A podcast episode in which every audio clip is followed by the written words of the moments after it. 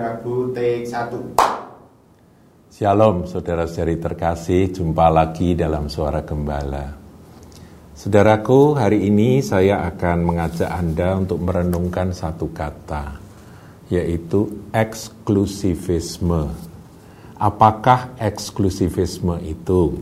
Ya, kita tahu ya eksklusif itu artinya eh, suatu faham yang menganggap bahwa keyakinan yang dimiliki oleh oleh kelompok tersebut itu yang paling benar.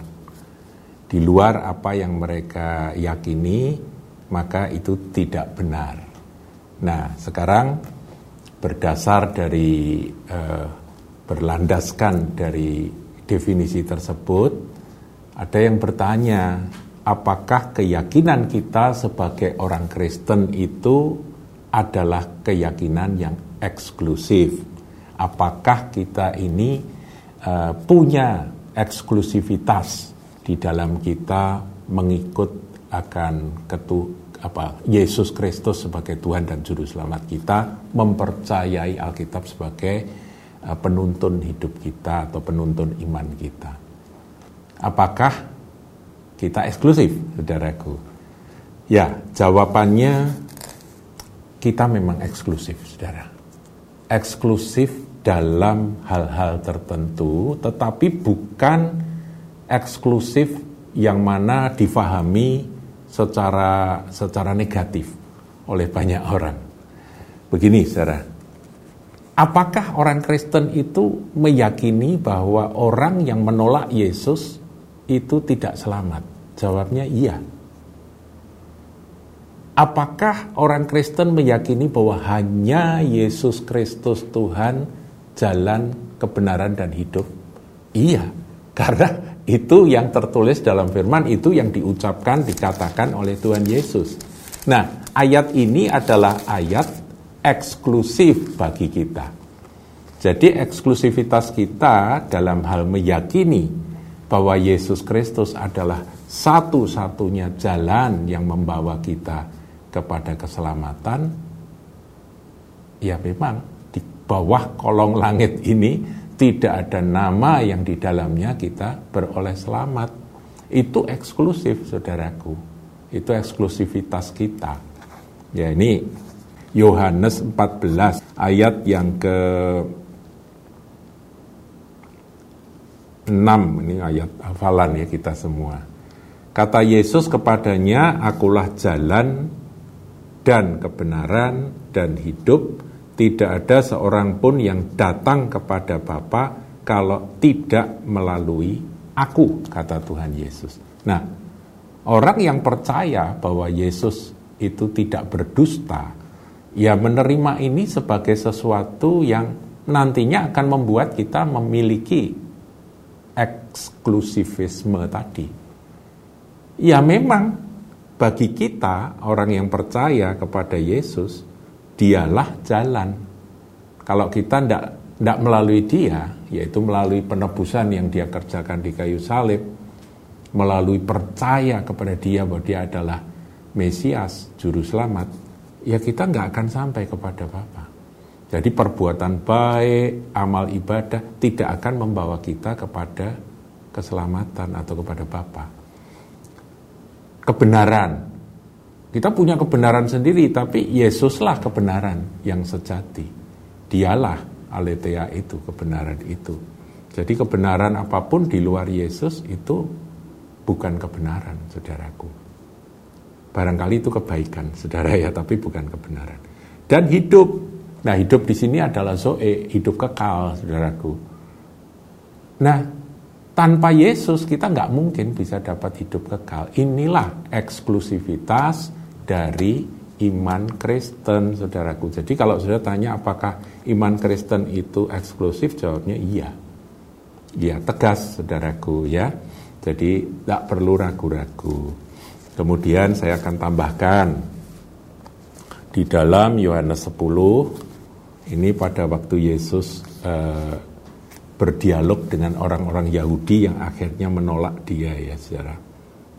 Dikatakan di ayat yang ke-24, Maka orang-orang Yahudi mengelilingi dia dan berkata kepadanya, Berapa lama lagi engkau membiarkan kami hidup dalam kebimbangan? Jadi ada orang yang e, mendengar ajaran Yesus, melihat akan kuasa yang ada pada Yesus sebagai seorang rabi, sebagai seorang nabi pada waktu itu, e, mereka bimbang karena ada pernyataan-pernyataan Yesus yang membuat mereka itu bingung gitu ya. Berapa lama lagi engkau membiarkan kami hidup dalam kebimbangan? Nyata kuasanya, ya orang mati pun dibangkitkan gitu ya. Uh, dia berbicara tentang kebenaran yang tertulis dalam perjanjian lama dan semuanya memang nggak bisa dibantah gitu ya. Jadi mereka tinggal mau percaya atau tidak begitu ya bahwa dia adalah Mesias, dia adalah anak Allah, dia adalah satu-satunya juru selamat, dia adalah anak domba yang menghapus dosa dunia. Mau percaya apa enggak gitu aja ya. Jikalau engkau Mesias katakanlah terus terang kepada kami. Jadi mereka mendesak Yesus untuk berkata aku adalah Mesias. Yesus menjawab mereka ayat 25 coba saya lihat. Aku telah mengatakannya kepada kamu tapi kamu tidak percaya. Pekerjaan-pekerjaan yang kulakukan dalam nama Bapakku itulah yang memberikan kesaksian tentang aku. Jadi Tuhan Yesus nggak mau banyak ngomong lah. Dia sudah ngomong beberapa kali cukup gitu ya. Tapi kalau kamu tetap tidak percaya, coba kamu lihatlah apa yang kamu kerjakan. Adakah dosa? Adakah kesalahan yang aku buat? Adakah uh, aku ini pembohong, pendusta. Ini loh, lihat perbuatan-perbuatan termasuk mujizat, semua yang disaksikan oleh banyak orang. Ya, ada begitu banyak, saudaraku. Injil ini kan dicatat isinya kan penuh mujizat. Itu untuk membuktikan bahwa Yesus itu adalah Mesias, Sang Juru Selamat dunia. Yang kemudian nanti dijelaskan bahwa dia adalah Sang Firman yang menjadi manusia. Kemudian ayat 26, nah ini eksklusif lagi saudaraku. Tetapi kamu tidak percaya karena kamu tidak termasuk domba-dombaku. Jadi yang percaya itulah yang termasuk domba-dombanya Tuhan Yesus. Ya saudara mau jadi eksklusif atau tidak itu terserah. Di sini Tuhan berkata kalau kamu nggak percaya ya ya sudah kamu bukan domba-dombaku begitu ya. Kemudian ayat 27 ini jaminan luar biasa. Domba-dombaku mendengarkan suaraku dan aku mengenal mereka dan mereka mengikut aku. Jadi orang-orang yang menjadi milik Kristus itu yang ngikut Yesus. Teladan Yesus diikuti, percaya bahwa Yesus itu Tuhan Juru Selamat, percaya bahwa dia adalah Sang Firman yang menjadi manusia, percaya bahwa dia penebus dosa kita, ya semua yang diajarkan oleh Injil, bahkan percaya bahwa nanti dia sang alfa omega itu akan datang kembali menjemput kita yang menjadi milik kepunyaannya. Itulah Kristen eksklusif saudaraku. Dikatakan eh, domba-dombaku mendengarkan suaraku dan aku mengenal mereka dan mereka mengikut aku. Ayat 28, dan aku memberikan hidup yang kekal kepada mereka dan mereka pasti tidak akan binasa sampai selama-lamanya. Jaminan saudaraku pasti kata pasti garis bawahi ya saya ulang ya ayat 28 dan aku memberikan hidup yang kekal. Jadi Tuhan Yesus sang hidup itu memberi hidup kekal kepada orang yang percaya kepada dia dan mengikut dia. Dan mereka pasti ini jaminan dari dia dari Tuhan tidak akan binasa sampai selama-lamanya dan seorang pun tidak akan merebut mereka dari tanganku Dijamin, kalau kamu sudah ada di tanganku karena kamu percaya dan mengasihi aku, maka aku akan menjaga dan tidak mungkin satupun kuasa bisa merebut kamu dari tanganku. Dahsyat saudaraku, jaminan yang Tuhan berikan. Dan ini eksklusif bagi orang yang menerima dia, menjadi milik kepunyaannya, yang mengasihi dia. Dah, saudara, ini ayat-ayat eksklusif Nah, tapi pengertian eksklusif ini tidak boleh dikembangkan dalam pengertian yang keliru. Kita ini tidak bisa satu, satu iman dengan orang-orang yang tidak memiliki iman Alkitabiah tentang Yesus Kristus Tuhan. Yes, itu harus kita pegang teguh. Ini eksklusif iman kita bahwa Yesus adalah Tuhan Juru Selamat di anak domba Allah yang mati tersalib ganti kita, kita yang percaya dan menerimanya diberi kuasa menjadi anak-anak Allah. Itu eksklusif, saudaraku. Dan kita mengikut jejak sang anak domba itu sampai akhir hidup kita.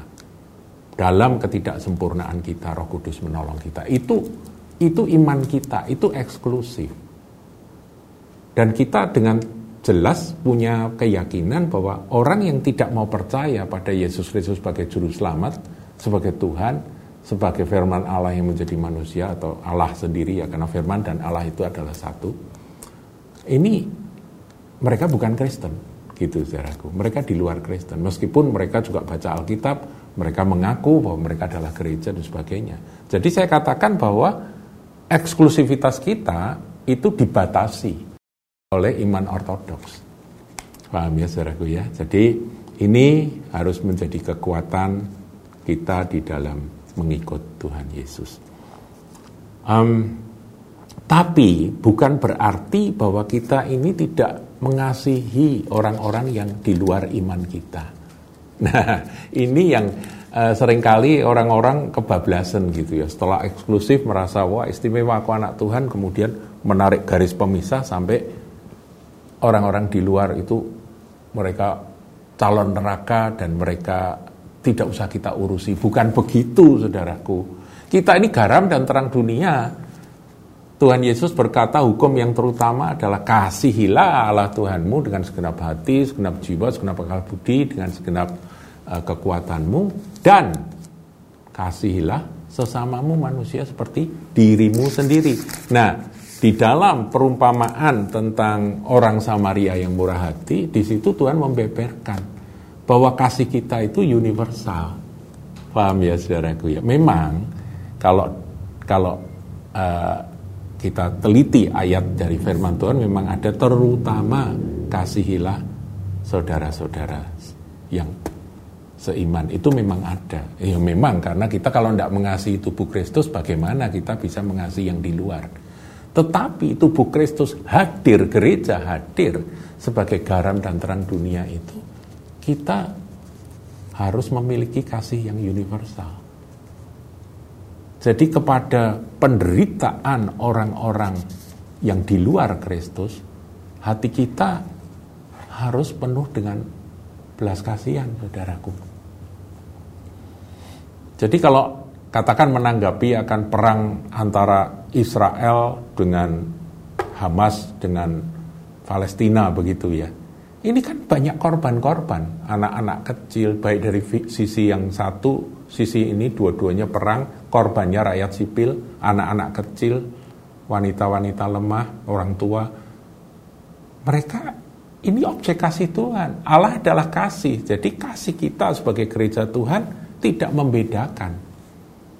Oh kamu anti terhadap Israel atau sebaliknya. Tidak demikian saudaraku. Kristen itu pembawa damai dan pembawa kasih. Makanya di dalam kisah orang Samaria yang murah hati itu ketika ya ini saya bacakan aja lompat aja ya saudaraku. Lukas 10 ayat 29. Tetapi untuk membenarkan dirinya orang itu berkata kepada Yesus, "Dan siapakah sesamaku manusia?" Jadi karena ini temanya Tuhan memancing hukum yang terutama adalah kasih Allah Tuhan dan juga kasih sesama kan begitu ya, ya salib gitu ya, mengasihi Tuhan dan mengasihi sesama. Jawab Yesus adalah seorang yang turun dari Yerusalem ke Yeriko ia jatuh ke tangan penyamun bla bla bla saudara tahu ceritanya.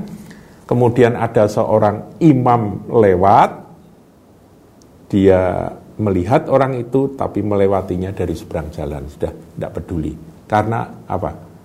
Ya karena dia gak mau resiko begitu ya. Kemudian lewat juga orang Lewi, orang Lewi ketika melihat melewatinya dari seberang jalan juga. Ya, saya tidak bacakan saudaraku. Ini, saya ringkaskan aja ceritanya. Tapi Tuhan justru memakai eh, sebuah ilustrasi di mana muncul seorang Samaria, orang yang ditolak, orang yang dianggap eh, bukan Yahudi begitu ya. Itu orang Samaria dia lewat, jatuhlah. Ini ayat 33 saya bacakan aja. Lalu datang seorang Samaria yang sedang dalam perjalanan ke tempat itu dan ketika ia melihat orang itu tergeraklah hatinya oleh belas kasihan. Ia pergi kepadanya lalu membalut luka-lukanya. Sesudah ia menyiraminya dengan minyak dan anggur, kemudian ia menaikkan orang itu ke atas keledai tunggangannya sendiri, lalu membawanya ke tempat penginapan dan merawatnya. Saudaraku, ini kasih dan belas kasihan yang universal, melampaui, yang yang dirampok dan hampir mati, dipukuli hampir mati itu adalah orang Yahudi, tapi dia orang Samaria, tapi dia melewati batas itu dan si Samaria yang baik hati ini, Good Samaritan ini menolongnya habis-habisan. Dinaikkan ke keledai tunggangannya sendiri, dibawa ke tempat penginapan, dirawat, ya luka-lukanya dibalut, disiram dengan minyak. Ya, ini kalau arti alegorisnya minyak anu apa?